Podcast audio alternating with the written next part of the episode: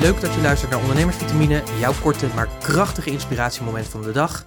En de vraag die ik je vandaag wil meegeven is: hoe zorg jij ervoor dat je bedrijf echt een merk wordt? Want misschien ben je daar niet even bewust van als ondernemer, maar als je een bedrijf hebt, heb je een bedrijfsnaam en bouw je dus ook aan een merk. Om dat merk goed te bouwen, moet je natuurlijk heel veel voor doen. Daar weet je alles van natuurlijk als ondernemer. Je bent dagelijks natuurlijk bezig om je dienstverlening of je producten en diensten beter te maken zodat ook jouw klanten een betere beleving hebben van die diensten en de producten. Maar je moet je natuurlijk ook heel goed realiseren, en dat realiseer jij vast ook als ondernemer, is dat alles wat je doet en laat, heeft natuurlijk effect op de beleving van dat merk. Je klanten ervaren jou op een bepaalde manier. En daar moet je heel bewust van zijn. En wat ik vaak nog wel eens tegenkom, is dat de beleving die naar buiten toe wordt gegeven, dus de gedachte hoe jij je merk naar buiten toe positioneert, is dat die soms niet overeenkomt met hoe het van binnenin is georganiseerd en gecommuniceerd waardoor er dus een discrepantie ontstaat. En dat is niet fijn, want dan gaat het vaak mis. Ik zal je een voorbeeld geven van iets wat mij lang is bijgebleven. Twee jaar geleden ging ik eten in het sterrenrestaurant De Lindenhof in Giethoorn. Ze hebben twee sterren en die hebben ze al jaren.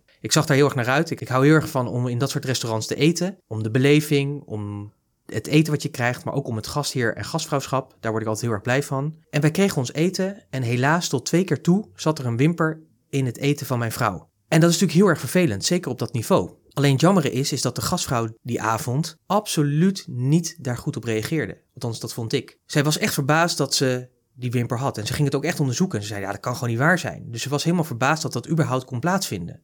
Nou, die verbazing is misschien goed. Maar misschien had ze ook moeten aangeven dat het haar speet. En dat ze daar iets in compenseerde. En dat gebeurde niet. En toen we dat de tweede keer gingen aangeven, van ja, we vinden het heel vervelend, maar het zit er nog steeds in, werd ze eigenlijk een beetje geïrriteerd. En dat is natuurlijk niet goed. Zeker niet op dat niveau. Want stel je nou voor dat ik de ja, Michelin-gids beoordelaar was die langskwam om dat te beoordelen. Niet tof natuurlijk. Zeker niet ook op dat niveau. En wat het jammer is, is dat iemand had dat op dat niveau het echt goed kunnen maken door een geste te doen. Door een extra gerechtje te geven of door een glas wijn of wat dan ook. Of in ieder geval door excuses te maken. Maar door dat niet te doen, betekende dat daarmee de uitstraling die ze naar buiten hebben en hoe ik het beleefde van binnen niet overeenkwamen. Met als gevolg dat ik er sindsdien niet meer ben wezen eten, ik er nog steeds over heb. En natuurlijk krijgt iedereen een tweede kans, dus ik ga er vast zeker binnenkort nog een keertje eten. Maar zoals je hoort, gemiste kans.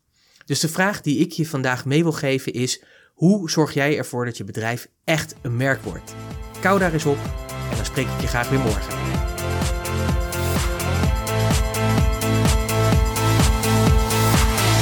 Ondernemersvitamine is een onderdeel van de podcast Business Talk en Zo, powered by Purst.